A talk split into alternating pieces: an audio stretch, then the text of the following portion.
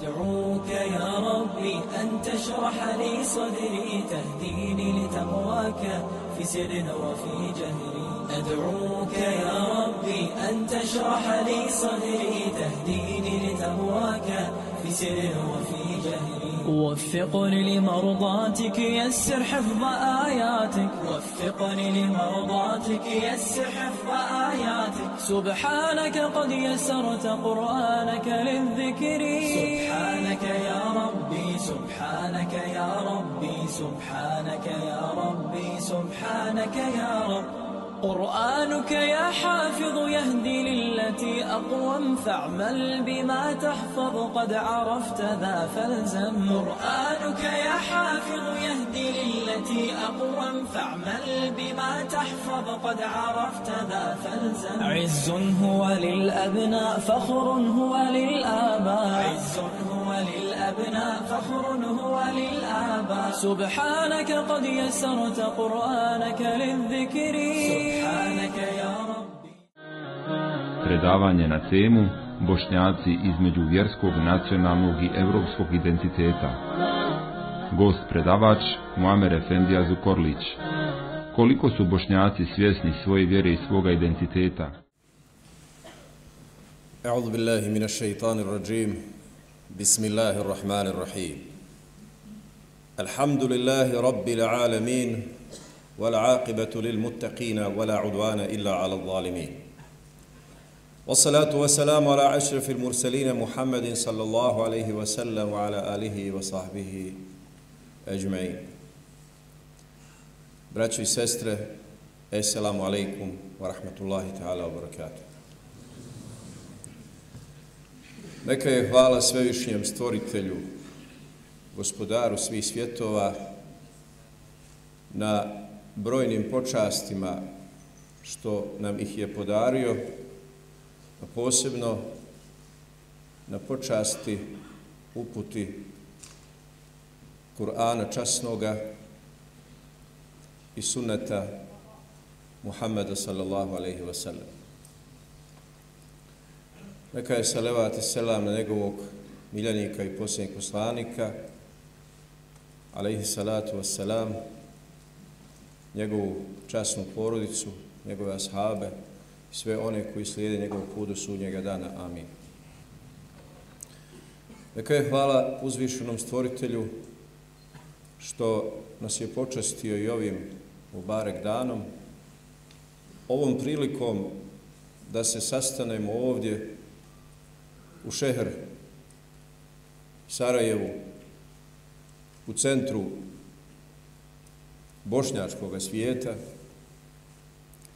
kako bismo se ovaj naredni sahat družili na putu Božje istine i pokušaja razmjene znanja na Božijem putu. Kao što je već i najavljeno, naša večerašnja tema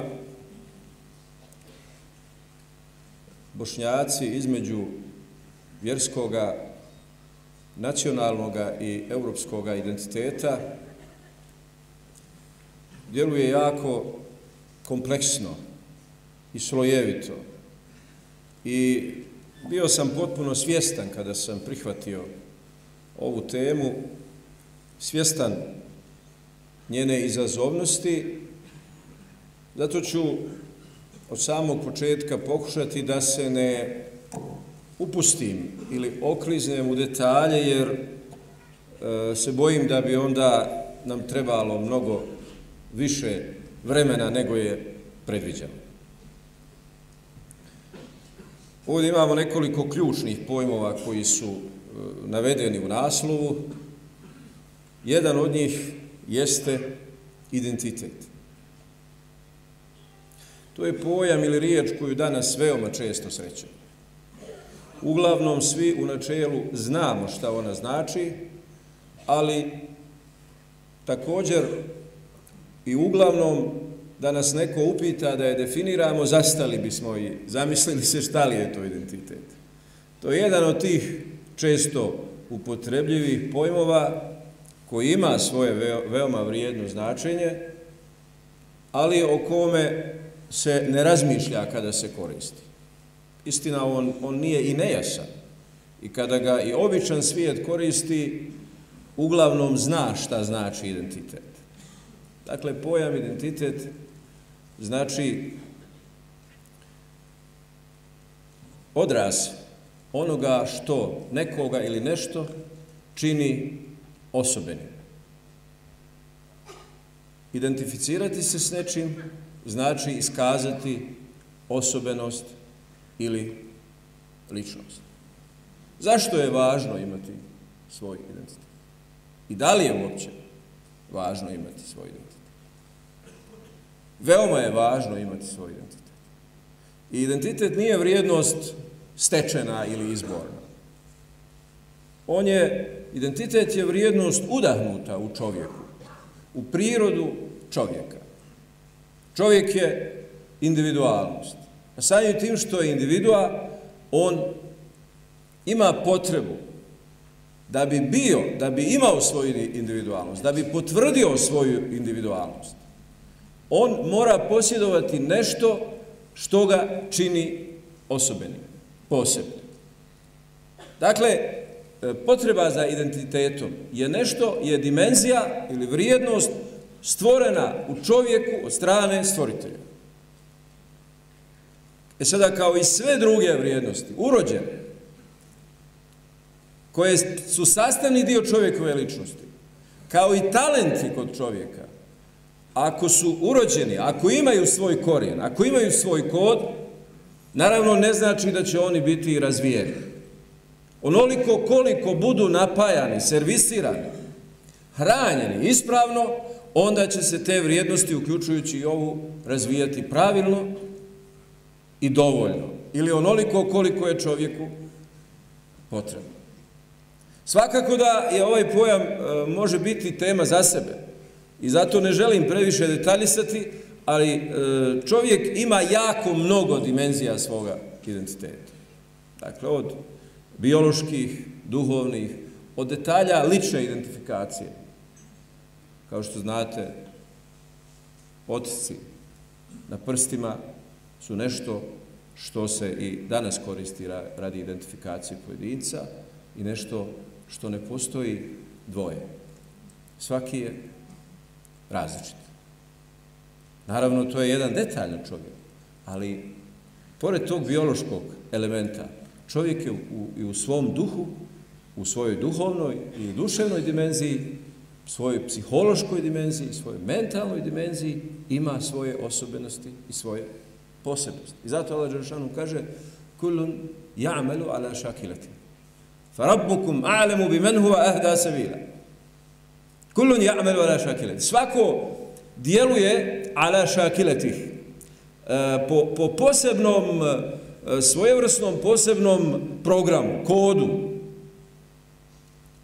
Dakle, čak i mi koji privatimo iste principe uvjerenja, istu koncepciju svatanja, ipak vidite, u primjeni istih principa, normi, programa, ljudi drugačije, ipak postoji nijansa osobenosti u tome kako to neko uradi.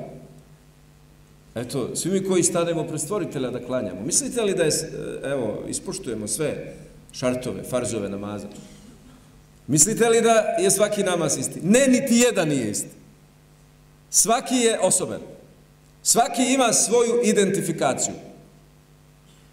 Čak i kada izgleda u formi identičan, svojoj sadržini, u kvalitetu, u svijesti, u pokornosti stvoritelju, u, u pobožnosti, u prisutnosti, on je, on je različit. Osim individualnog, imamo drugi stepen, je porodični identitet. Tu već prelazimo na prvi stepen kolektiviteta. Porodica daje, ima dvije dimenzije identiteta. Jedan je formalni identitet porodični, koji čak mi nosimo u svojim formalnim identifikacijama, a to je prezime, to je prezime, recimo, mi smo prezimenima razlikujemo koje, od koje porodice, šire familije, plemena, naroda i tako dalje. Ali isto tako, Još možda značajni aspekt porodičnog identiteta jeste ono što nosimo iz porodice, e, što nas oblikuje u narodu poznato kao, kao kućno vaspitanje. Dakle, to je onaj, onaj osnov, ključni, ključni sada identitet koji, ovaj, koji već spada u relaciju stečenog identiteta. E, vi ste bili, svi smo svjedoci, imate ljude koji idu u iste vrtiće, iste škole, iste, iste niže škole, iste fakultete, imaju, pripadaju isti, istim kulturnim komunikacijama, relacijama, ali vi vidite da oni nisu isti. Vi vidite da, da, da, da ovaj jedan ima neke navike, ne može nikako da ih promijeni, ovaj drugi nema. Vi vidite kod jednog jednu prefinjenost, potpuno kod drugog jednu grubost i tako dalje. Naravno, dijelomično to, to može biti vezano za mentalitet, ali i izuzetno često je to vezano za ono prvo vaspitanje koje se dobija od prve do sedme godine, a koje se kupi u svojoj kući od svojih roditelja, ambijenta, braća se stara, u kome se ličnost, u kome se ličnost formira. Sljedeći stepen kolektivnog identiteta jeste zapravo nacionalni identitet ili etnički, ili nacionalno-etnički identitet i nacionalno-domovinski identitet, koji također ovaj se tiče jednog, ali sada mnogo brojnijega, mnogo brojnijega e, kolektiviteta.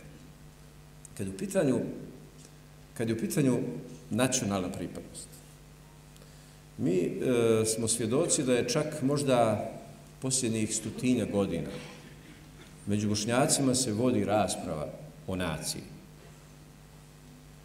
I mi smo, nažalost, u različitim razdobljima, etapama i u različitim krugovima imali uglavnom krajnosti kad je u pitanju pristup poimanju nacije, nacionalnog identiteta. Prvo, uopće da li nam je taj identitet potreban, da li nam je potrebna ta svijest.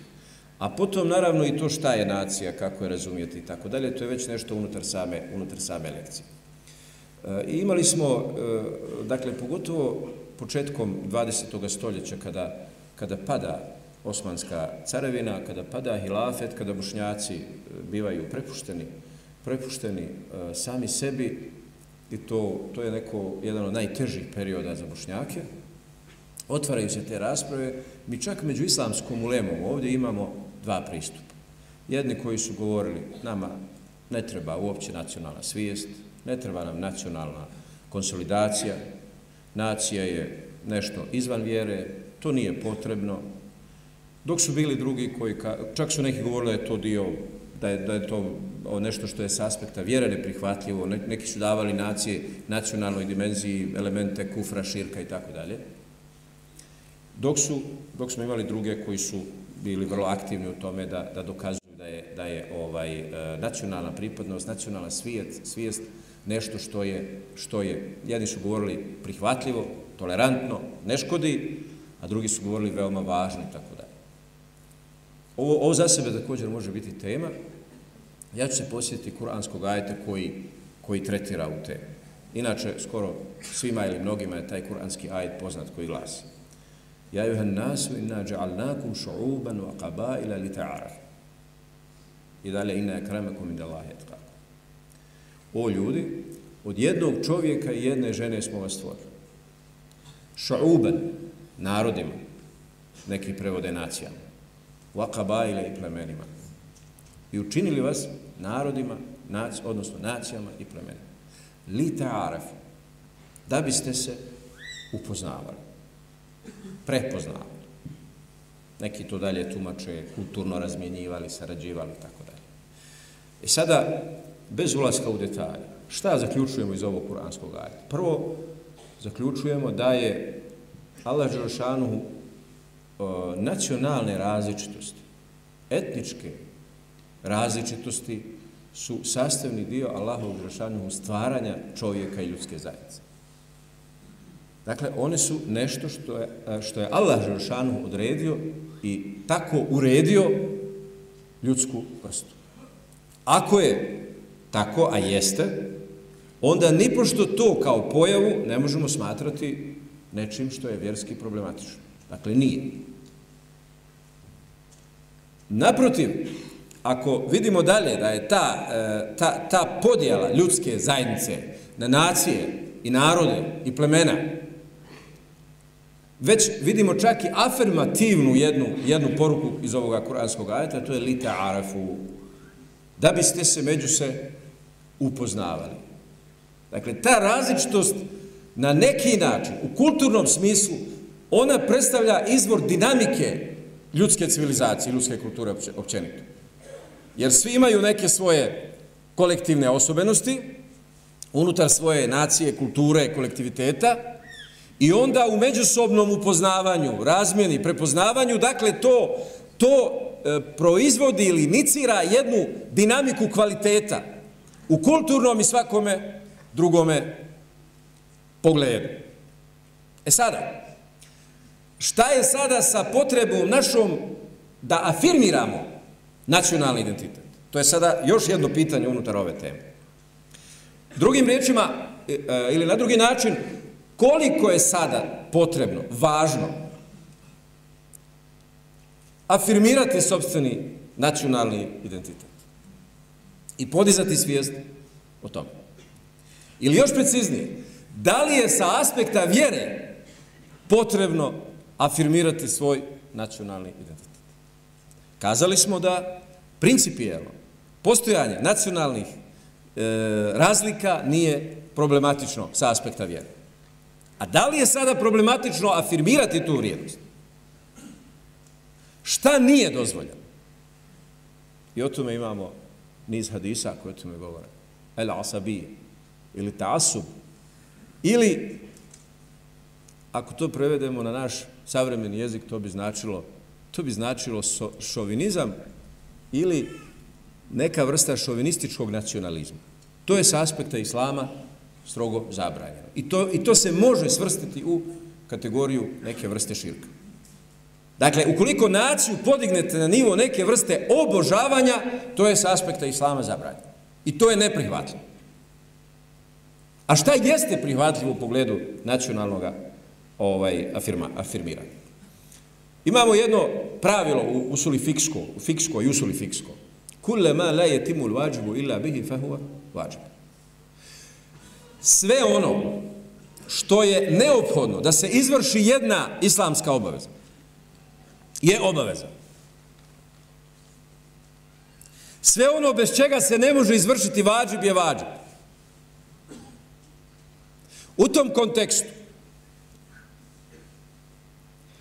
kroz ljudsku historiju, postojali su periodi kada nacionalni element, element nacionalne identifikacije jednog naroda nije bio bitan kada imamo univerzalne sisteme, imperije, caravine, šta god. U tom slučaju potenciranje nacije bi se moglo kazati biti suvišno. Ali u ovom trenutku, od 19. vijeka pa nadalje, do dana današnjeg, kada posebno u svijetu takozvane zapadne civilizacije, imate vrlo jasna ustrojena pravila po kojima sviđala vam se ili ne sviđala se igra. Kao recimo kad imate pravila u futbalu. I sada, da biste sudjelovali u nekoj futbalskoj ligi ili prvenstvu ili, ili ne znam, olimpijadi, postoje jasna pravila. Pored toga da se trebate kvalificirati, morate imati svoj tim, taj tim mora imati svoje boje, svoje dresove. Dakle šta? Identifikaciju dresovi, boja, ne znam, sve ostalo što prati taj tim, nije suštinski bitno, ali su bitni kao sredstvo. Jer ako to ne ispunjavate, vi ne možete igrati, vi ste diskvalifikovani prije igre. Drugim riječima, ako bošnjaci ne budu zaokružili svoju etno-nacionalnu i svoju državno-nacionalnu identifikaciju, oni će biti diskvalifikovani, ali ne iz futbala, nego iz života, iz mogućnosti da prežive. Jer onog trenutka kada su diskvalifikovani, to znači da nemaju pravo na državu, a to znači da nemaju ni našta od prava koja proizilaze iz prava na državu. A nemati državu znači nemati nacionalnu kuću, nemati, za, nemati zaštitu. A to znači biti izložen čemu? Stradanju do istrebljenja. Dakle, bez nacionalne zaokruženosti bošnjaci rizikuju biološki opstanak, ali isto tako, pošto govorimo o vjeri, rizikuju svoj vjerski opstanak. Bez potrebe da idemo dalje. Ovo je sasvim dovoljno da kažemo da je u ovome trenutku nacionalna identifikacija, afirmacija nacionalnih vrijednosti, sastavni dio vjere Islama za muslimane koji žive na ovom prostoru. U protivnom, muslimani, u našem slučaju bošnjaci, gube poluge i postaju neravnopravni u ovoj civilizacijskoj trci opstanka. I zato bih volio, ukoliko to bude moguće, bar malo da doprinesem da se konačno stavi tačka na rasprave između takozvanih islamski orijentisanih i takozvanih nacionalnih orijentisanih pojedinaca, ljudi, mislaca, faktora i tako dalje. Dakle, ovo smatram veoma, veoma važno. Šta je sa našom nacijom kroz, kroz povijest? Dakle, ja, ja moram kazati da se protekli mjeseci sam se bavio jednom interesantnom temom, krenuo sam od, od uh, istraživanja na temu uh, Eh, monoteizam, monoteizam bošnjaka prije islama u Bosni.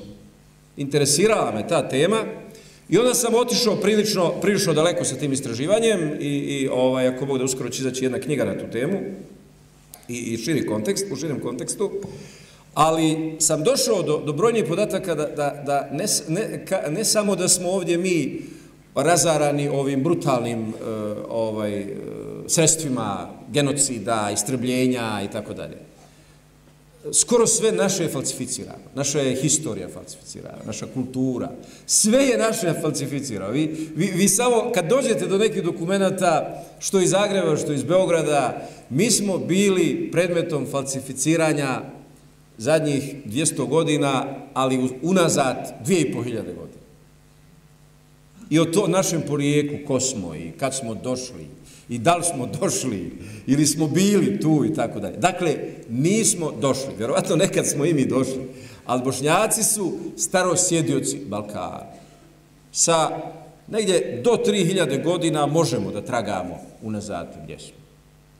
Dakle, to suštinski možda nije najbitnije. Ali ako hoćemo istinu, onda jeste bitno. Jer smo domaćini. Zašto je bitno? Pa zato što, što e, su u svim pohodima pokušaja istrebljenja nas i općenito kad jedan narod hoćete da, da, da, da istrijebite. Svaki agresor kad hoće da uništi jedan narod, on želi da legitimiše temu, da legitimira, pardon, metu. A da, biste, da biste legitimirali metu, onda vi morate da je dekultivišete, da je proglasite nekulturnom, divljom, stranom. I zato, zato su nas ovdje pokušali predstaviti tako, E, da smo bez nacije, bez kulture, da smo stranci, da smo došli, da su nas neki Turci tu ovaj, ostavili tako nešto. To su sve gole neistine. Dakle, mi smo ovdje domaćini. Ako je to bitno ko je domaćin, mi smo domaćini. Dakle, prije Slavena, prije Gota, prije, pa čak prije Kelta, prije svih tih naroda, mi smo ovdje prvi. Mi smo ovdje starosjedioci, unazad neki 2000 do 3000 godina možemo da, da pokazujemo Dakle, ako je to bitno, ko je, onda jesmo. Ako nije bitno, evo nije bitno, ali jesmo. Dakle, to treba da se zna. S druge strane, e, prateći taj tok, želim da ukažem na dvije stvari. Na to šta je Bosna imala prije nego što, su, što je bilo ko imao takozvani civiliziranih nacija u Evropi. Vi ste uglavnom slušali da, da se pominje, kad je državnost Bosne u pitanju, pominje se Kuliban, pominje se Povelja, Kuliban. Mnogo je to prije. U četvrtom vijeku, čuli ste vi kada je podijeljeno rimsko carstvo na istočno i zapadno. E taj imperator, zvao se Teodosije, kad je dijelio rimsko-istočno carstvo dvojici sinova, on je pravio granicu od sjevera prema jugu. To je današnji taj pravoslavni svijet i katolički. Pravio je liniju i kad je došao do Bosne, šta mislite, kud je prošla linija? Sa obje strane Bosne. Sa obje strane Bosne. Vi to nikad niste mogli pročitati negdje čuti. To je sakriveno.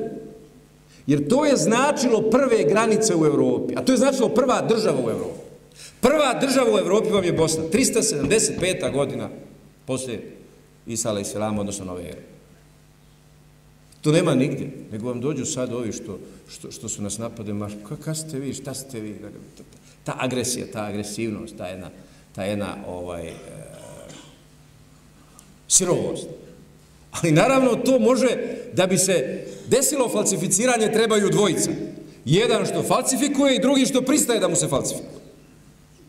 Nažalost, mi smo u, to, u toj dekadenci, nakon pada osmanskog hilafeta, mi smo bili pogubljeni, bavili se opstankom glava na ramenima, iseljavanjem, da li da se iseljavamo, da li da se ne iseljavamo, a više nismo imali kapaciteta da, da raskopavamo istinu i dođemo do, do tih, do tih ovaj istina. Naravno, dalje vam je poznato Kraljevina Bosna, pa sve to redom. Ima jedan isto detalj, veoma interesantan. Ovaj, e, kada je car Barbarosa, neko je čuo vjerovatno za Fridriha Barbarosu, rimsko-njemačkog cara silnoga u 10. vijeku, ovaj, dakle to je već 11. vijek, kraj 10. 11. krenuo u krstaški rat da oslobode Jerusalim, odnosno osvoji Jerusalim. I sad, znate, kad su ti krstaši išli, tu su sve pred sobom su upržili, oni su to sve pregazili živo. Čak, čak ne znam da li ste čuli za podatak, da je tada Istanbul, Istanbul je tada u to doba imao oko milion stanovnika. I nakon nekoliko krstaških pohoda, znate li koliko je ostalo stanovnika u Istanbulu? Samo 50.000. Krstaši su pobili oko hiljada svoje pravoslavne braće u, u, u, u, u, u Carigradu, odnosno Istanbulu. E sad, vidite, vi, vi se žalite da ste, da ste loše prošli. Dakle, to, to je, ovaj, e sad, ali šta se sad tu dešava? Znači, ta brutalnost je historijski zabilježena. Ali jedan detalj je ovdje bitan drugi, a to je, kad su došli na vrata Bosne, car Barbarosa, Fridrik, kad je došao na, na, na zapadnu kapiju Bosne u Krajini, nije mogao da prođe na silu. I onda je mogao, morao da pregovara sa bosanskim banom i pregovarali su da mu dozvoli da mirno prođe, da ne hara, da ništa ne dira. I potpisan je ugovor.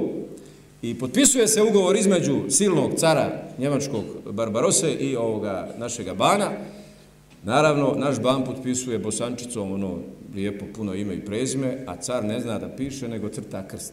E to vam je civilizacijski odnos, kulturno-civilizacijski odnos u tom trenutku. Da li ste to ikad mogli negdje pročitati? Ma niste. To je sve sakriveno. Sve je to sakriveno. Neko će reći možda, ma to nama ne treba. Treba nam, braću. Treba nam, jer, jer ako je to jezik nadgornjavanja, onda nam treba. Ako se takmičimo iz toga, treba nam. Jer ako se takmičimo ko će dalje skočiti, pa ne možemo sada gimnastiku, nego skakanje. Jel? Ako je ta disciplina, onda nam treba. Ako je neka druga, mi ćemo pregrnuti, pa ćemo onda tu neku drugu. Dakle, naša nacija se tu veoma rano i država razvijaju. Naravno, u osmanskom periodu je, dolazi do izvjesne stagnacije, jer nacionalno gubi na značaju. Posebno je taj osmanski period bio nekako anestetičan za nas, jer smo se mi u njemu prilično razmazili u tom nacionalnom smislu, dobili smo neki status elitnosti na dvorovima, jer su bošnjaci bili veoma pametni ovaj, i, i osmalije su i koristile. I vi imate još jedan podatak da je recimo bilo 36 ili 37 velikih vezira u Osmanskom carstvu u cijelom, u cijelom periodu. To su, dakle, premijeri. Veliki vezir je, u, u, u današnjom terminologijom je premijer. To je glavni vezir, odnosno premijer. Cijeloga, cijele carevine. Od ti 37, 23 ih je bilo sa Balkana. A 13 bošnjaka. Dakle, više od jedne trećine je bilo bošnjaka. Vidite gdje smo, gdje smo bili? Na dvoru velikih vezira, dakle, premijera. Dakle, to je jedan detalj, međutim, to je bilo u tom trenutku dobro, ali kasnije za tu, za tu našu nacionalnu samoodrživost je to imalo i neke svoje negativne, negativne konotacije. Naravno, najveći udar se de, dešava u, u 19. vijeku, kada bošnjaci pokušavaju da dobiju svoju autonomiju, jer u tom trenutku Srbija dobija autonomiju, Crna Gora dobija autonomiju, kapetan Gradašević, znate sami, pokreće taj, tu, taj pokret ovaj, dobijanja autonomije, međutim, nažalost, dešava se ono naše muslimansko, daj onim tamo, a našima batina. I onda, znate dobro šta se desilo, taj pokret Gradaščević je ugušen u krvi, opet pomoću izdaja bošnjački koje su se desile, to je druga priča. I nije tu ključni udar. Ključni udar dolazi poslije toga kada je tadašnji Ober Paša Latas, odnosno Mihajlo Latas, izvršio pokolj u Bosni. Dakle, tada se, tada se desio pokolj bošnjačke elite. I zapamtite, mi se nikada od tada nismo oporavili. Mi nikada od 19. vijeka nismo obnovili svoju elitu. Neko će reći, zašto je važna elita? Braćo i sestre, nacija bez elite, narod bez elite je kao kuća bez roditelja. Nacija e, bez elite je obezglavljena nacija. Mi smo pokušali obnoviti tu elitu u trenutku kad smo je trebali obnoviti, okupirala nas je Austro-Ugarska i onda je Austro-Ugarska oblikovala našu elitu. I onda smo imali ljude koji su oblikovani po mjeri, naše, po mjeri a, interesa okupatora. I vi do dan danas imate posljedice takve identifikacije, takve, takvog formuliranja naše elite. Vi, ja ne znam da li postoji primjer na drugim mjestima, ali samo još kod nas bošnjaka se vole okupatori. Hvale se okupatori. Vi danas imate autore, pise koji pišu šta je nama donila Austro-Ugrska.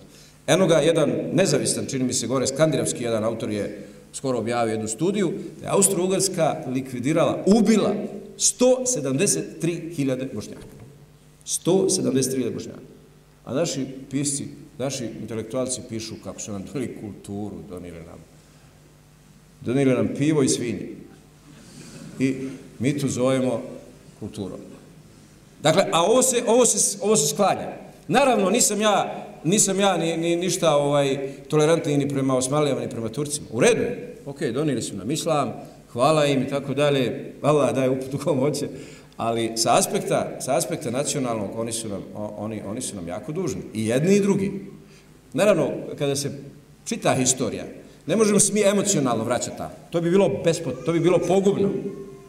Ali se moramo vraćati, ako ništa neko ko te je nekada okupirao, pa ne može se sada ponašati arogantno, je tako?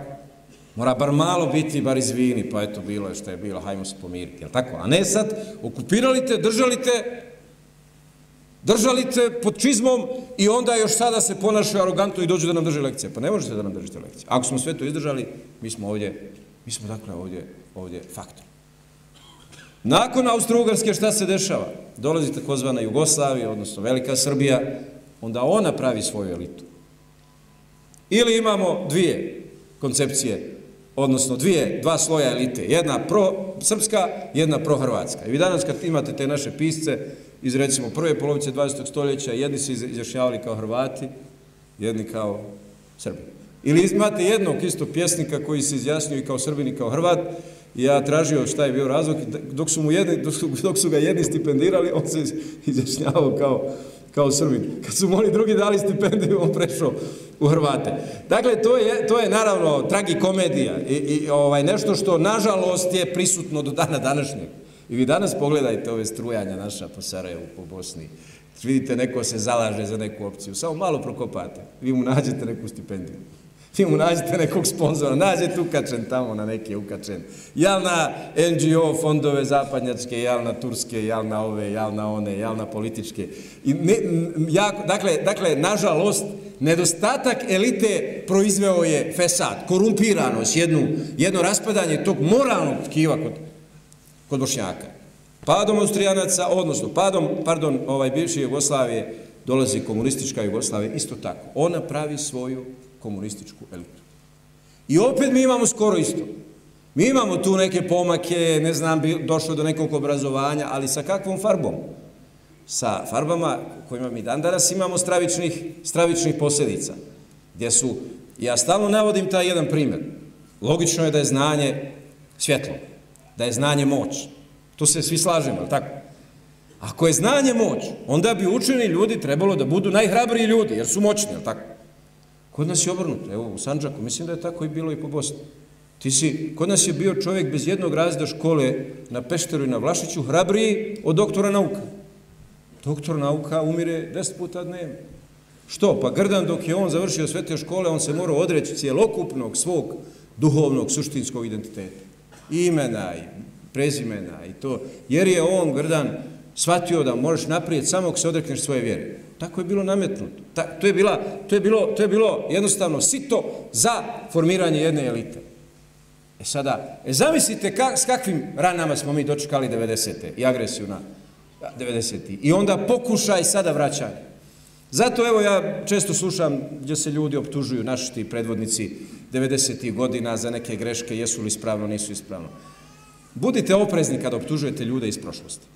Jer niste bili u njihovoj koži. Ne znate šta se dešavalo. Ne znate kroz šta su svi prolazili. Ne znate s kakvim su, od kakvog su materijala pravili naše kuće. To samo Allah zna. To je sve bilo od ljusaka, ljudi. To je 150 godina nije ostalo ništa. Nije, nije ostalo ništa čvrsto i jako što može da se, da se, ovaj, da se iskoristi. Kada pratimo ovu našu vjersku liniju kroz historiju, tu ću također veoma kratko. Dakle, eh, poznato je svima da je Islam došao na velika vrata sa Mehmedom El Fatihom u Bosnu ovaj, u, u 15. stoljeću, ali isto tako poznato da je prije toga u manjim grupama do, došao Islam preko nekoliko linija, preko Dubrovnika, preko trgovaca Dubrovnika, prije toga dakle preko, preko ovaj, e, Sicilije, Dubrovnika, postoji neki drugi pravci, čak postoje neki još, još to nije potpuno rasvijetljeno. Ja sam recimo evo očevidac, ne, ne izučavajući, nego sam očima svojim vidio, kad sam prije nekog godina posjetio Dragaš na gori, znate vjerovatno gdje je Dragaš, to je, to je ovaj na Kosovu, u blizini e, makedonske granice, e, regija Gora, poznata Gora, a tu se nalazi mjesto Varošica Dragaš. I tamo ima jedna džamija za ko, koja je veoma stara, I ja sam vidio nišan na mezaru ispred džamije, u kome piše 370 i neka godina hidžetska. Dakle, ja sam vidio mojim očima. 370 neka godina hidžetska, taj mezar je tada, odnosno taj je preselio, taj čovjek, a to vam je, a to vam je ovaj, deseti vijek. To vam je deseti vijek. Musliman ime prezme na harfovima, arapskom jeziku, na harfovima, piše 370 neka godina, ime, prezime čovjeka i tako dalje. Dakle, to je deseti vijek, znači Islam je bio na gori Dragašu, a već postoji jedna teorija da je, da, da, da, je, da je na Dragašu, odnosno na gori, da je živjelo jedno od najstarijih bošnjačkih plemena, ilirsko-bošnjačkih plemena. Čak mnogo stariji nego što su, što su bošnjaci Bosne i, i, ovaj, i Sanđak. Tako da je Islam imao i prije toga. E sada, ono što je meni bilo veoma interesantno jeste E, kako su to bošnjaci kod jajca primili tako masovno islam? Dakle, znate za podatak da je oko 40.000 porodica primilo islam za jedan dan kod, ovaj, kod, kod jajca. Kad je, I dočekali su Mehmeda Fatih. I to je bio neki, neka, neka nit moga, moga istraživanja. Šta je to bilo kod tih bošnjaka da su oni tako bili spremni za islam, uvjetno rečeno? I zapravo tu dolazimo do tog do te vjere bošnjaka prije islama u Bosni. I tu ima jedna, jedna velika zabluda koja je ili namjerno ili nenamjerno isforsirana o tome da su bošnjaci bogumili. Bošnjaci nisu bogumili. Nikad bili. Neki, e, je pozit tvrdnja da su bili patareni. Nisu ni patareni. Bošnjaci su imali svoje autentično monoteističko kristijanstvo. Bogumilstvo je dualizam. Bogumilstvo je ovaj, jedna, jedna, od, jedna od pravaca manihejske ili, ili neomanihejske kog učenja koje dolazi iz Perzije, od zoroastreizma, među od Međusija, i ono je u suštini dualističko. I bogumili su zapravo matično bili u Bugarskoj. Patareni i Katari su bili također kao frakcije manihejskog učenja, dualističkoga, u Francuskoj, Italiji, Švicarskoj, to je taj, taj, taj prostor. U Bosni su bili autentični bosanski hristijani, monoteisti, koji su svoj monoteizam dobili preko arijanaca. Kada je Arije protjeran iz Nikeje, iz Južne Azije i tako dalje. On je pobjegao, jedna verzija prebat da je deportovan u Ilirik, to je prostor Bosne, a drugi da je sa, sa, sa, ovaj, e, sa Gotima, u velikoj seobi naroda, došao ponovo do Bosne. I on je tu začeo monoteističko učenje, monoteističko učenje kristijansko. I ono je ostalo. I zato su, i zato je, e, dakle, su bošnjaci proganjani vjekovima. Jer su oni smatrani i za zapadnu i za istočnu crkvu kao ovaj e, otpadnici, odnosno heretici. Zašto se pojavljuje teorija o, o, o bogumilima i o? Oni su se miješali.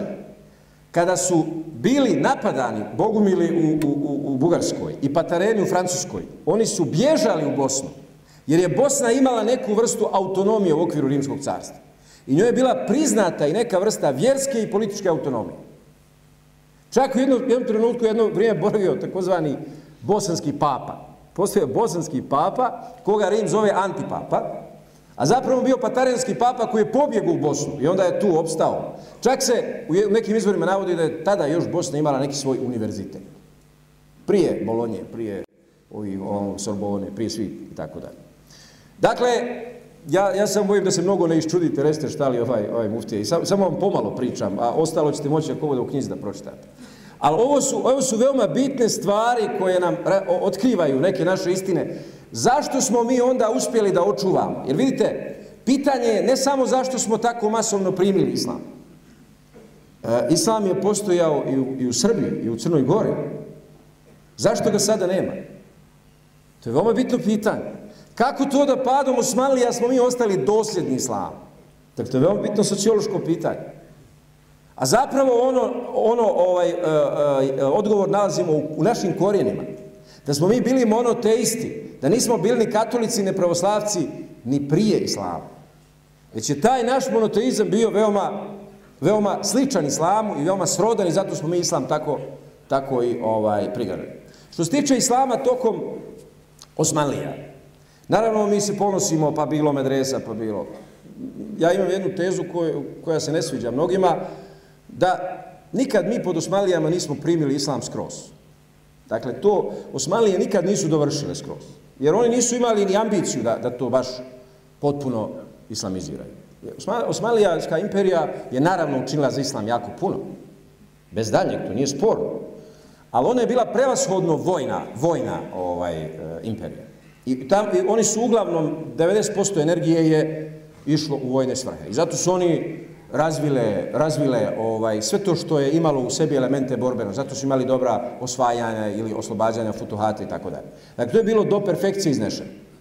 Međutim, nisu oni imali neke posebne misionarske aktivnosti. Možemo to, naravno, razviti kao posebnu raspravu, ali ne ovog trenutka, ali oni čak nisu mnogo imali interesa da baš svi prime islam da malo to, to ilustrujem, jer, jer e, muslimani su bili potrebni za ratovanje, a ne muslimani za plaćanje poreza, harača. I sad da su svi primili islam, ne bi mogo da plaća porez. I onda je tu se održavala neka, neka ravnoteža, imaju ovi što plaću, imaju što ratuju.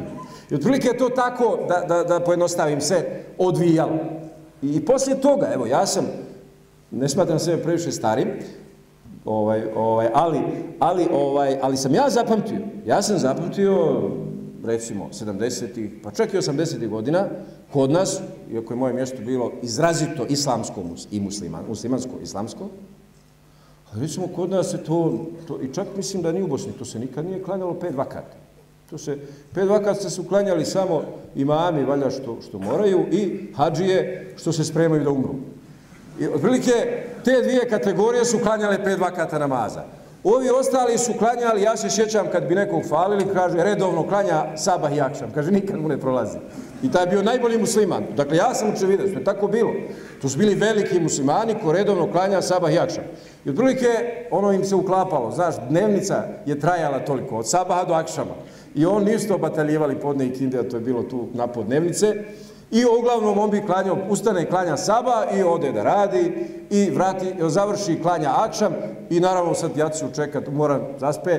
Tako da je to otprilike, to su pokazatelji da tu islam nije nikada dovršen u ovom ibadetskom obredoslovnom smislu do kraja. Dakle, u tom pogledu ja ću istaći jednu vjerski optimističku. Dakle, u Bosni i u Sanđaku, ali nikad se nije klanjalo više no sad. Dakle, ja znam da, da, da vi koji biste sve islamizirali, ovaj, ne, ne, ne, nije vam nikad dovoljno, slažem si ja, ali nikada se više nije klanjalo nego sad. Nikada. Znači, nikada, ni, ni za vrijeme Bogumila, ni za vrijeme Patarena, ni za vrijeme Osmanlija, nikada se nije klanjalo više nego sad. Kao što se nikada nije išlo na hađ. Pa na hađ bi išli ljudi, to je bilo historijski događaj kad neko ode na hađ.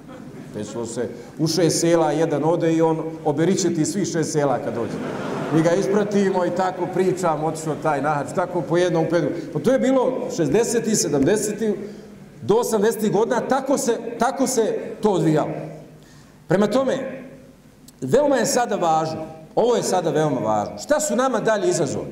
Vidite, nama je sad došlo nekih, u džamije nam je došlo, hajde da kažem na džume, nam je došlo nekih 15% bošnjaka. I mi smo već zagužvali. Mi već imamo problema, ne znamo šta ćemo s njima. Već imamo, već nam je tijesno, već se počinjemo se juguniti. E sad, hajde zamislite da nam dođe 80% ljudi u džamije, šta da radimo?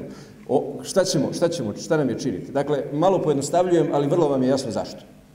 Dakle, mi sada moramo pozabaviti šta dalje. Kako artikulirati naše vjerske potrebe, vjerske izazove, probleme i tako dalje. Vidite vi sada ovo, ovo naše stanje e, mezheba, stanje percepcije vjere, stanje brada, pantalona, a pogotovo sada još ovaj, još ovaj haos sa ovim terorizmom, terorizmom gdje se, gdje sad s kim god hoće se obračunati, samo ga, samo ga ovaj, ko, ko, ko kad je bilo 48. ili suade, ko je bilo informirao, kad je bilo? 48. informirao ono, Staljin, ono, samo ga prstom pojede ga tmuša. E, ovaj, sad je isto tako, sad ga samo terorista i nestane. Znači, nema veze je li on ili nije i tako dalje. Dovoljno je da ga, da ga neko sa pozicije pa poniči. To je vrlo opasno stanje. To je veoma, veoma opasno stanje. Dakle, vi znate, ja o tom terorizmu imam neku svoju priču, možda ste nešto slušali na medijima, sam ponešto pričao, neću sada o tome govoriti, ali hoću kazati da je to nešto što dovodi Bosnu pred veliki izazov. Jer dušmani Bosne i Bošnjaka ne miruju. I oni ono što nisu mogli da ostvare e, agresijom, okupacijom, oni pokušavaju da nastave jednim specijalnim ratom, kulturnim ratom, političkim ratom, bezbjednostnim ratom.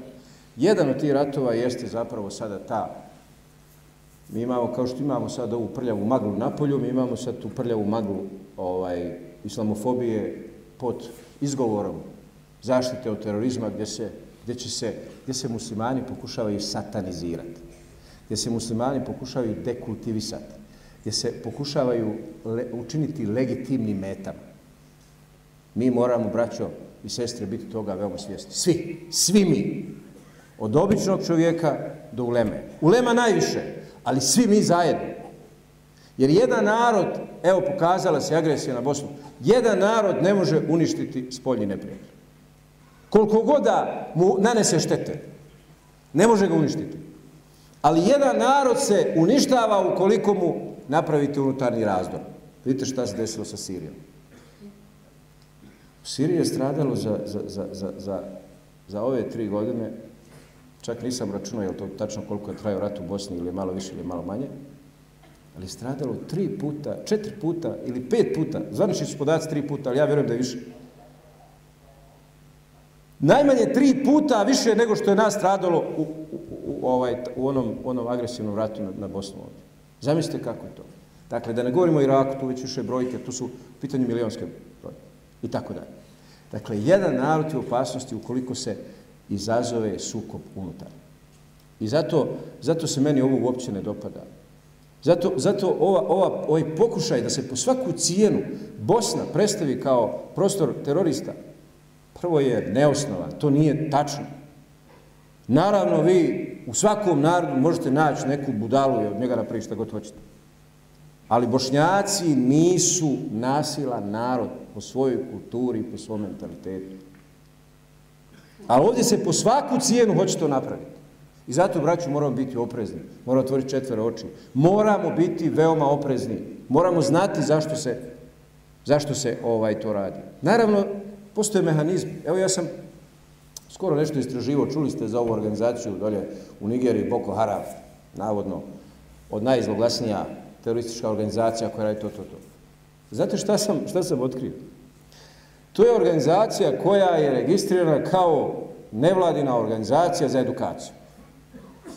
I koja je zaista bila takva nekih 5 do 7 godina.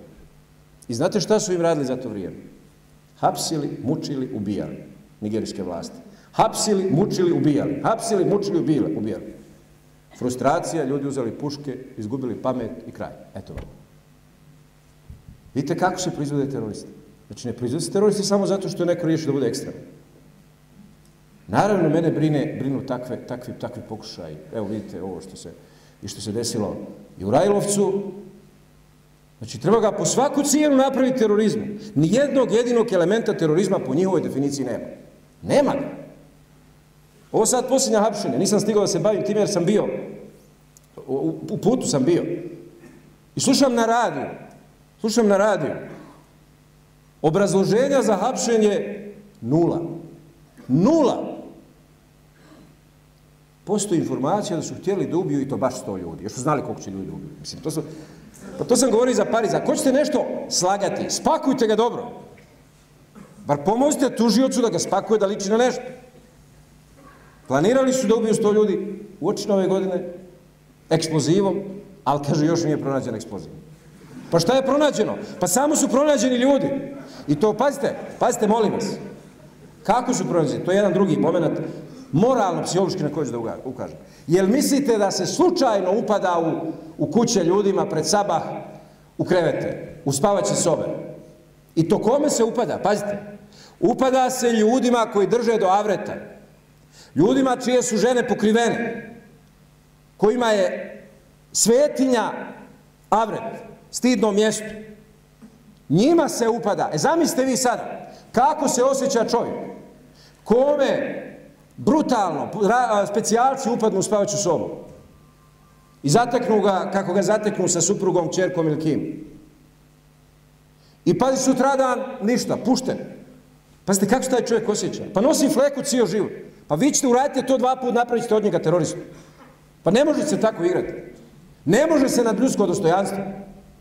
Ok, ako tužaštvo ima stvarno podatke o, o nekom terorizmu, o nekim stvarnim prijetnjama, naravno da treba da reagira. Ali se mora zato postojati dokaze. Zna se šta je sud, zna se šta je suđe. Ne može se suditi ljudima tek tako, na osnovu brade i širokih pantalona. Ne može ljudi. Ti koji to rade nisu prijatelji Bosne, zapamtite. Ti koji to radiš su neprijatelji Bosne. Da li ti koji naređuju ili koji izvršavaju, ne znam. Ali nisu prijatelji Bosne. Naravno da mi moramo biti svjesni da su to provokacija. I naravno da mi ne trebamo odgovoriti na provokacije. Ali se mora veoma jasno razdvojiti. Mora se veoma jasno razdvojiti. Šta su dokaze? Pravosuđe, tužilaštvo moraju funkcionirati na osnovu dokaza. Ja znam da meni će neko sutra da reći šta ti to pričaš? Koga ti to braniš? Ma branim svako koje ne nevin. Kraj. I dok mi, ako mi budemo čutali, kad se nevinima čini nasilje, doći će i na, naš, doći će i na, naš, na, na, na naš pragmečka. Tako se to dešava. I danas, ja sam više puta govorio, ovo što se dešava sunitskim muslimanima, ima mnogo razloga i zasluga, ali ulema sunnitska je pala na ispitu. Dešavaju se stravične stvari, oni čute onaj ne smije zbog vlasti, onaj ne smije zbog ovoga, onog što su mu nalijepili etiketu ekstremizma. I vidite šta nam se dešava. Nas milijardu i, i 400 miliona nas ima sunitskih muslimana, niko si ništa čovjek. Prije neki sam dan došao iz Libana, bio sam, bio sam dolje, blizu, blizu Sirije. Stravično. Stravično. Jedino su sunitski muslimani nezaštićeni. Potpuno nezaštićeni. Može da puca kad god hoće da niko ne odgovara ni zašto. Zato neko mora biti kriv. Pod broj jedan ulema. Tamo gdje se ulema odrekne dostojanstvene riječi o istini, taj narod pada. Naravno da to nije prijatno. Jer kad kažeš istinu, ona košta. Ona košta. Ja, ja ne znam jesam li, jesam li dobar što ovo govori, možda će neko reći ovaj, ali ja sam se zakleo i zavjetovao da, da ili ću čutati ili ću govoriti istinu. I zato moram da je kažem. I govorim je Zato što se istina mora kazati. Istina će biti poražena kad, se, kad, kad odustane od sebe. I zato, braću i sestre, nama treba spoj hrabre istine i mudrosti. Te dvije stvari. Mi, nažalost, obično imamo dvije vrste muslimana. Oni koji imaju hrabrost bez mudrosti i oni koji imaju viška mudrosti da im se u jedan vakat pretvori u kukavičku. Pa sa god urade, kaže mudro. Ma kako crno mudro, prodade sve živo i naciju i državu i vjeru i kaže ma mudro polako. Dakle, valja nam uspostaviti ravnotežu između mudrosti i hrabrosti. I, i, I zapravo je snaga Islama u toj mjeri, snaga Islama u toj sredini, snaga Islama u tom vasatu, u, tom, u toj ravnoteži koja se nalazi, koja se nalazi na, na, na sredini. I treći aspekt identiteta koga sam pomenuo je, koji je aktualan sada ovog trenutka, jeste pitanje evropskog identiteta. Dakle, koji također za mnoge znači ono nešto što je neprihvatljivo, čim je evropsko, to mora da nije naše. Za neke druge, samo evropski identitet ništa nas ne zanima. Opet imamo dvije krajnosti. A istina je, braćo, kao i ovim prethodnim slučajima, na sredini. Istina je na sredini. Uvijek isključivost vodi ka neistini. Zapamtite. Svaka isključivost. I kad imate dvojicu ljudi koji razgovaraju, onaj što galami i poseže za silom, znajte da mu nestaje argumenta. Jer onaj što ima argumenta, on nema potrebu da se svađa. On ima argumenta, on će argumentima pobijediti. Dakle, zato mi kao islam, kao, kao, kao vrijednost civilizacijska, mi nemamo potrebu za silom u progresivnom predstavljanju naše istine. I zato oni koji posegnu za silom, oni nanesu, nanesu veliku štetu islamu. Jer ako pogledamo historiju, sila je korišćena samo da se prekrije istina. I sila je korišćena samo da se nametne na istinu. Jer silom se jedino može neistina nametnuti. A istinom se, istina, se, istina se nameće, odnosno nudi, nudi ovaj i bez sile. I zato čim vidite da je neko zapeo u neku krajnost, bilo desno ili lijevu, znadite da je nešto iskrivio, skrivio ili iskrivio. Istina je uvijek uravnotežena, na sredini. Vitka, gipka, tolerantna. Takva je istina. Neistina je kruta, isključiva. Ona je, ona je drska, gruba. Takva je neistina. Jer je to njen način, njen način opstanka. I sve što je ekstremno je krivo, a sve što je krivo će morati jednog dana da se sluši. Ono što nije ekstremno je na sredini, ono je pravo. I ono nije nakrivljeno. Ono se njiše, fleksibilno je, tolerantno je i opstaje. Dakle, to je priroda vođalna kumeta nosata. Učinio sam vas umetom sredine, kako Allah Đeršanu kaže. To je, dakle, to je, to je koncept same, same istine. Ja sam bio prije nekoliko godina na, e, ovaj, na jednoj konferenciji u Milanu. I bilo je to multinacionalno, konfesionalno i tako dalje. Tema je bila veoma interesantna, vjera u Evropskom ustavu. Bila je to trodnevna konferencija, ograničenog probranog broja ljudi, uglavnom teolozi, islamski, kršćanski, pravoslavni, e, katolički i tako dalje. I trećeg dana konferencije, do, do trećeg dana smo se ono mudrovali, svi nešto pametovali, niko ne kaže sve šta misli, nego tako to kako treba, mudro, jeli? I onda, ovaj, trećeg dana smo bili isprovocirani od jednog, jednog profesora ovaj, e, katoličke, katoličke bogoslovije iz Zagreba, koji je doslovice postavio sljedeće pitanje. Kaže, znate šta, mi, kaže, jedino ovdje imamo problem s muslimanima. I vrijeme je da se oni izjasne, da bi mogli dalje da razgovaramo treba se muslimani izjasne da li oni prihvataju evropske vrijednosti ili ne. Ako prihvataju, onda tok razgovora ide u jednom smjeru, ako ne prihvataju, tok razgovora ide u drugom smjeru. I za nas je tu bilo, nek, bilo nas muslimana, neki 5-6. Ja sam bio najmlađi, ja računam sad će ova velika ulema reko nešto, nešto kazati, niko šute, svi nema ništa. Ja se okrenuli livo desno, ne bi čare, pošto reko neće niko ostalo na mene. I naravno ja sam njemu odgovorio na moj način. Ovaj, mislim da se pokajao što, me, što je postavio to pitanje. Ja sam mu ovaj, kazao, rekao, ako sam dobro razumio, ali do kraja, rekao se, uvaženi gospodin nije ovaj, izjasnio, e, prije svega u definiciji evropskih vrijednosti. Šta su to evropske vrijednosti? Jedan sam ja kazao, ako se misli na univerzalne evropske vrijednosti, one koje su preuzete još iz Andaluzije, iz onog našeg vakta, univerzalne, ljudske, humane i tako dalje, onda mi muslimani nemamo nikakav problem da prihvatimo, odnosno mi smo i prihvatili prije Evrope. Ja sam do duše rekao, a ako mislite na, na reku, evropske vrijednosti, ovo sad rekao, LGBT, ovo rekao, ove, ove istopolne brakove, Bože me rekao, sačuvaj, stvarno rekao, ja odmah me rekao, istirajte iz Evrope, ja neću nikad prihvatiti. Evo nikad, odmah, evo nek sve pukne ovaj, gdje ne valja, rekao, ako su vam to te evropske vrijednosti, stvarno, od mene nemojte tražiti. A mislim i od apsolutne većine muslima.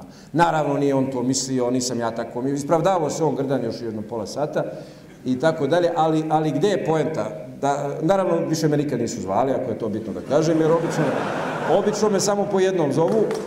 I ovaj...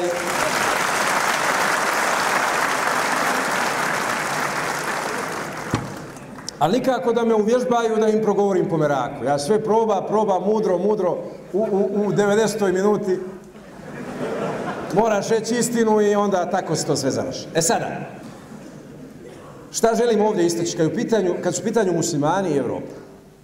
Prvo, mi bošnjaci, mi smo evropski narod. To sam isto jednom, jednom uh, predsjedniku protestantskih crkava iz Berlina isto objašnjavao. Rekao mu da ja kao evropljanin, za mene je Evropa fakt, faktička stvar. Nevrijednostna, faktička. Znači, moj dedo, para dedo, para šukun dedo, svi se rodili tu. U, u, u, u geografiji u osnovnoj školi sam uči da je ovo Evropa. Dakle, ja sam evropejac. I uopće ne osjećam to ni kao prednost, ni kao nedostatak. Čak ako malo po historiji prokopam, mogu i da nađem razloga da, da, da, me, da me nije baš, da se ne baš ne ponosim time što sam evropljan. Ali jesmo evropljani. I to treba da znam. U kom pogledu je to bitno? Ne da bi se ponosili ili stidili. Ne. Nego prosto sa aspekta toga da je to naša kuća pod našim nogama. Dakle, smo mi dio tog geografskog prostora. Naravno, taj geografski prostor je kulturološki vrlo šaren. Vrlo šaren. I ja evo u toj, u toj, u toj ovaj, knjizi sam i taj moment objašnjavao. I ja sam istakao tezu koju sam prilično dobro dokazao, još ću je bolje u budućnosti dokazivati, da zapravo sva evropska kultura i civilizacija se naslanja na Balkanu. Dakle, sva ova razvijena Evropa, njena kultura, njena civilizacija ovaj, se naslanja, pogotovo kultura, sa Balkana. Nešto nauke je došlo preko Andaluzije, opet sa isla, iz Islama, odnosno iz islamske civilizacije, ali ako uzmete elementarne parametre, evo da uzmemo recimo pismo, kao osnovno sredstvo eh, kulturnog kvaliteta jedne zajednice, jedne nacije, jednog naroda, ili grupe naroda, jedne civilizacije, kulture. Znači, pismo kojim govori, kojim piše današnja e, e, zapadna civilizacija, cijela zapadna civilizacija piše ili latinicom i jedan manji jedan dio čirilicom. Oba pisma su nastala na Balkanu. Ovo je veoma važno da znate. A kad u pitanju su neki drugi elementi kulturnosti i kulture, ja sam u toj knjizi istakao i dokazao tezu da je jedan od tri kulturna izvora Evrope Bosna bosanska kultura. Ja sam je nazvao bosanska kultura. I nazvao sam je kulturom dogovora. Ja sam dokazao da je Bosna kroz stoljeća obstajala kroz princip dogovora. A Evropska unija kao najveći, najviši domet civiliziranosti Evrope je nastao na principu dogovora. I naravno ja tom linijom dokazujem da je ta današnja evropska vrijednost kultura dogovora iz bosanske kulture.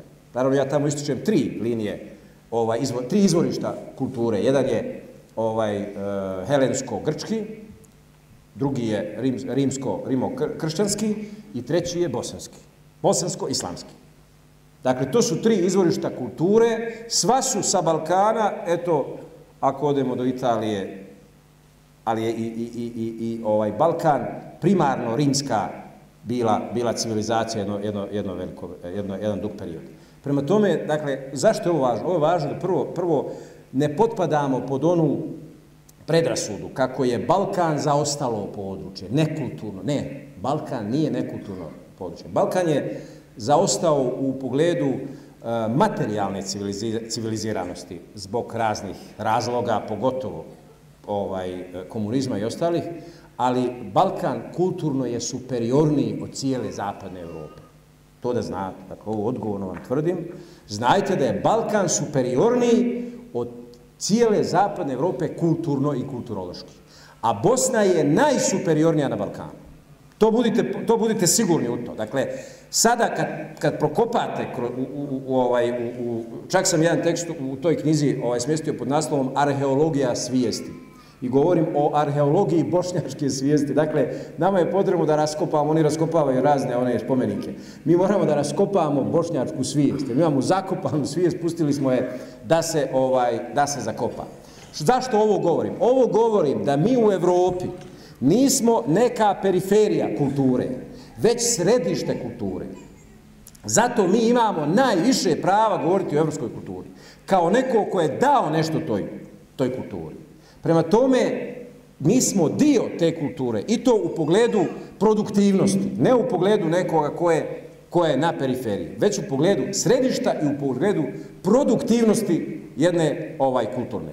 To je dakle važno u pogledu identifikacije. Naravno, ono što su savremeni trendovi, moralnih devijacija, ono što zapravo jeste suštinska kriza zapadne civilizacije, u etičkom pogledu, i ono što će definitivno doći glave zapadnoj civilizaciji, to je etičko, duhovno rasulo, raspad porodice, raspad moralnih vrijednosti, preferiranje ovih etičkih devijacija i predstavljanje tih devijacija kao kulturne vrijednosti, to je za od nas daleko bilo. Dakle, to mi sa tim nemamo ništa i to uopće ne može biti evropska kultura. To nije evropska kultura. Zato je važno da mi, da, i ovim želim istaći, da mi nemamo niti jedan razlog da se distanciramo od evropske kulture. Mi nemamo ni jedan razlog. I ono što bi trebalo biti postupno zaključak ove cjelokupne moje priče jeste, jeste ovaj sljedeće. Dakle, bošnjaci su evropski narod, balkanski narod, muslimanski narod. Možete reduše da promijenite, uopće nije, uopće nije bitan. Naš identitet, vjerski, dakle islamski, naš nacionalni, dakle bošnjački, i naš evropski identitet nisu u sukobu, braće i sestre. To je veoma važno da znamo. Oni nisu u sukobu. Oni jedan drugoga ne isključuju. I to je jako bitno. Dakle, sva ta tri identiteta, predstavljaju neku vrstu našeg bogatstva. Ali znate, svako bogatstvo i svaka čast uvijek povlače neke elemente odgovornosti. Više elemente odgovornosti. Jer uvijek je kulturniji, učeniji, a, dakle, odgovorniji od onog drugog. I ako mi jesmo ovo što sam sve nabrojio, a vidjeli ste šta sam, šta sam nabrojio, dakle, onda smo mi odgovorniji od ostali. E šta je to sada odgovornost Bošnjaka? Možemo i to razviti vrlo slojevitu priču, ali ću istaći ono što smatram najbitnije. Bošnjaci su evropski autohtoni narod. Mi smo prevashodno odgovorni, pored onih odgovornosti prema sebi, ali sada ako govorimo o odgovornosti prema drugima, mi smo odgovorni o predstavljanju islama u Evropi. Islam se veoma teško predstavlja kroz doseljenike. Doseljenici, naravno i oni imaju pravo da pronose islam. Ali oni su u vrlo nepovoljnoj poziciji. Jer oni dolaze u zapadne zemlje kao ovisnici tih zemalja. Bježeći od političkog terora ili od siromašta. I oni su gosti u tim zemljama. A gost je uvijek donji. On je ovisan. A od donjeka se nikad mnogo ne sluša. Dakle, mi smo nacija, evropska nacija, koja ima vjeru islam i koja nema E, kompleks inferiornosti, kompleks niže vrijednosti u odnosu na Evropu. I zato mi imamo historijsko, civilizacijsku ulogu da predstavimo islam. I zato je, braćo i sestre, veoma važno kako ga predstavljamo. Naravno, mi imamo osnovne lekcije i suneta poslanika, sallallahu alaihi wa sallam. Ali, uvijek je pitanje da li mi to dobro čitamo sunet poslanika, sallallahu alaihi wa sallam, i da li ga dobro interpretiramo. Ja mislim da postoji tu puno stvari na kojima treba da poradimo u smislu našeg predstavljanja islama. Jedan od, jedan od, od načela e, misije Muhameda sallallahu alaihi wa sallam u načinu predstavljanja islama je bio da govori jezikom naroda kome govori. Naravno, braćo, jezik nije samo sredstvo komunikacije. Jezik je elementarna dimenzija kulture. Govoriti jezikom jednog naroda znači govoriti kulturom tog naroda. Zato je jako važno da se pozabavimo načinom da naše sagovornike, nemuslimane, dovedemo u poziciju da nas sa voljom slušaju kad pričamo islamu. Zato je bitno i kako govorimo, i kako izgledamo, i kako im prilazimo. Naravno, jedino ne po cijenu naših principa. Šta je farz je farz, šta je vađib je vađib, šta je haram je haram, tu moramo poštivati i tu se granice ne smiju pomjerati. Ali kad je u pitanju stilistika, kad je u pitanju estetika, kad su u pitanju forme koje nisu stroge u islamu, onda je jako važno da nađemo najbolji način da i govorom, i ponašanjem, i stilom, i estetikom, a naravno nada sve etikom, zapravo mi promovišemo i pronosimo istinu, istinu islama. Definitivno, 21. vijek je stoljeće islama. Makar mi danas svjedočili jedan opći haos u upotrebi i zloupotrebi islama. Ali zapravo to ključanje govori o procesu koji je dinamičan. Jer ne ključa džaba. Ne može da se skuha dok ne ključa. Prema tome, to je jedan proces promjene stanja. Ali veoma je važno, ako pratite sve ove procese, ne može, ne može se to pojednostaviti. Ni pošto nije, ni kako se priča na medijima, a nije baš ni sve izmišljeno. Zato treba biti pametan pa naći šta je od toga prosijati. Šta je od toga istina, a šta nije istina.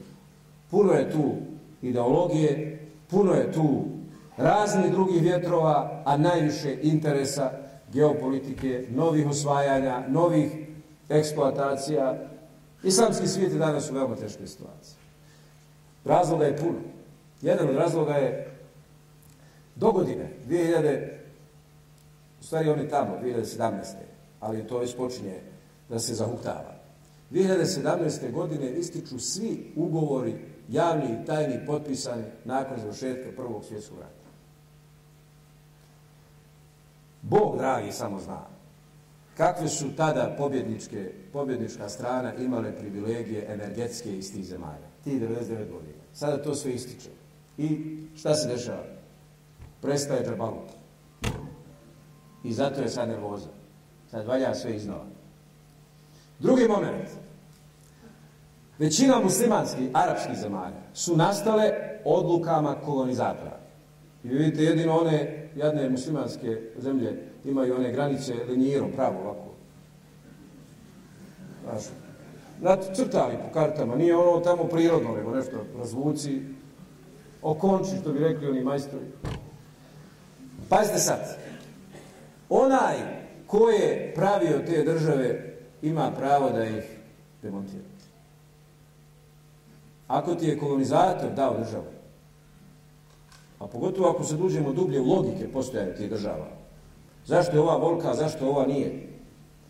Kome je data ova, kome nije? Po kojim zaslugama? Znam, zamjerio bi se mnogima, zato neću o tome govoriti. Nije mudro što bi rekli ovi naši. Ali, znajte da će to biti, da je to čvor koji će, koji će, koji, koji će izazvati lančano jednu destabilizaciju. U svakom slučaju, prestoji nova podjela tih karata. I druga stvar, druga stvar koja spada u tabu teme, ne znam jeste li svi kad zapitali, dakle, od 19. vijeka u svijetu postoje ili formiraju se ili opstaju ili nacionalne države ili multinacionalne države. Jedino Arapi, jedino arapska nacija ima toliko država. Jedna nacija, jedna nacija od Maroka do Kuvajta, a toliko država. Da li ste se pitali zašto? Je li to prirodno? Nije. A sve što je neprirodno ne može da obstane. Ne može obstati. I vidite kakav imate vi sad taj haos. Dakle, šta je bio plan prije 100 godina? Plan je bio da se arapski, arapski svijet podijeli na nove nacije. Nove, ne samo državne, državne, državno-domovinske nacije, nego na etno nacije da to preraste u jednom trenutku u etno različitosti. Pa si onda Timor redom imaš Maroko, e, Alžir, Libija, hajmo dalje, Egipat, tako dalje. I sad, to sve Arapi. Njih je povezivao arapski jezik. Šta su kolonizatori računali? Da će poslije 100 godina to postati potpuno različiti narodi. Tako bi bilo da nije bilo arapskog jezika. A tako bi bilo i s arapskim jezikom da nije bilo šta? Koran i Kerim. Koje je garant očuvanju jedinstva arapskog jezika. I ti posle stotinu godina imaš da su jezici koji su se razvijali, da, oni su imali, imali svoje dijalekte, oni, oni znaju ovi studenti koji su tamo Ali to niko ne računa jezikom. Jezik književni je ono što se, na, na, ovaj, što se koristi ovaj, u zvaničnoj komunikaciji u, i tako da. Uprko svim kolonizatorskim aktivnostima. To je ostalo. I sada je došao trenutak gdje se to ponovno, gdje se to ponovno aktualizirati. Jer ovaj haos ne može da traje vječno.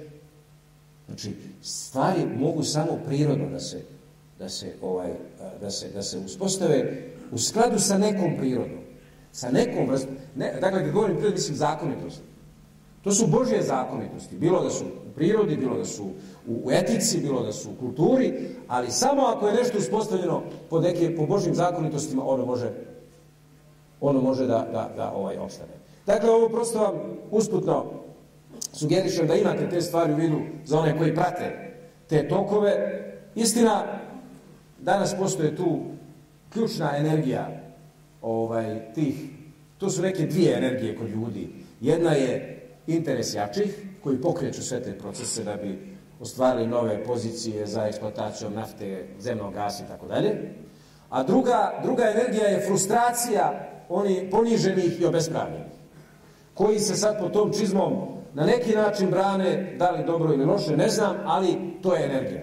Međutim, jedni i drugi zapostavljaju ključnu energiju, a to je činjenice, zakonitost, da sve procese kontroliše stvoritelj. I oni sve isplaniraju nešto. Sve to zaporte, ali to se otme pa ode u drugi svijet. I zato, ovo, me, ja kad gledam ovo dvoje, prvo, iselio bi se sad u Aluka kad bi nekako moglo. A, ovaj, pošto ne vjerujem u te masionske izlete, pa, pa i ne pokušavam ovaj, e, nigdje da idem. Ali ovaj treći me, dakle, čini optimistom uprko svemu tome. A to je da Allah Želešanu i kad, i kad dopusti da se dešavaju, dešavaju stravične stvari koje, su, koje izazovu velike žrtve, koje dugoročno, dugoročno i u procesu sigurno će te stvari donijeti neko dobro. Jer Allah Đeršanuhu nikada ne da da, da uzaludno ode trud pojedinaca, iskrenih ljudi, grupa, zajednica i tako da. I zato je naše da, da eto, razumijemo sve ove globalne procese, ali da se previše ne upustimo ni, ni mentalno, ni emocionalno u, u, u, u te globalne procese. Jer smo mi nejaki, sitni smo, mali smo. Da mi, dakle, uz razumijevanje globalnih procesa, energiju našu trošimo na čemu? Na emanetima sa kojima smo mi zaduženi. To je emanet prema sebi, emanet, emanet prema porodici, emanet prema, prema užoj, široj zajednici, emanet prema, prema svojoj domovini, prema svom narodu, Dakle, u svim tim stepenicama je mare prema svojim, svojim vjerskim i moralnim vrijednostima. Ukoliko na taj način budemo postavili, pa nikad se ne zna u čemu je hajr Allah Đeršanu, vodite procese, onda, dakle, sreća i nesreća nisu vezane za te procese, budite sigurni, sreća i nesreća su vezana za naše moralno, duhovno stanje. Onako kako predamo stvoritelju dušu, od toga stanja naše duše u pogledu njene čistote ovisi naša vječita sreća ili ne. Dakle, sve se to može svesti na tako jedan jednostavan zaključak. Molim uzvišenog Allaha Želšanu da vam podari svako dobro. Molim njega uzvišenog da ovaj skup obaspe bereketom, zdravljem, rahatlukom, svakim dobrom, da vam sve popiše i vaš dolazak i vaš trud E, tokom vašeg boravka ovdje, da, ako Bog da, da nam Allah Žešanu podari upute snage i dobra, da činimo dobra djela, da budemo onakvi kako će on sa nama biti zadovoljan, da nam da snage da naše safove uveženimo, budu čvrsti, da budemo snažni, da budemo hrabri, da budemo mudri, da budemo zajedno okrenuti prema kibli, okrenuti prema pravim vrijednostima, tolerantni prema svojima, čvrsti prema neprijateljima. Molim njega, svešnjega, da nas na ovome svijetu počasti e, svojom milošću u zdravlju, bereketu, u uspjehu, a na budućem svijetu da nam svojom milošću podari dženet El Firdaus. Hvala vam, eselamu alaikum wa rahmetullahi wa barakatuh.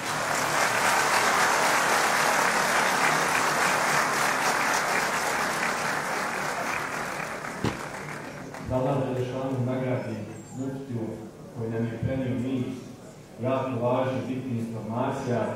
Zahvaljujemo mu se što nas se odazvao poziv da bude naš gost, a vas pozivam da ako Bog da je ponovo za 14 dana budete naši gost. Esselamu alaikum. أدعوك يا ربي أن تشرح لي صدري تهديني لتقواك في سر وفي جهري أدعوك يا ربي أن تشرح لي صدري تهديني لتقواك في سر وفي جهري. وفقني لمرضاتك يسر حفظ آياتك. وفقني لمرضاتك يسر حفظ آياتك. سبحانك قد يسرت قرآنك للذكر. سبحانك يا ربي سبحانك يا ربي سبحانك يا ربي سبحانك يا رب. قرآنك يا حافظ يهدي للتي أقوم فاعمل بما تحفظ قد عرفت ذا فالزم قرآنك يا حافظ يهدي للتي أقوم فاعمل بما تحفظ قد عرفت ذا فالزم عز هو للأبناء فخر هو للآباء. عز هو للأبناء فخر هو للآباء سبحانك قد يسرت قرآنك للذكر. سبحانك يا رب.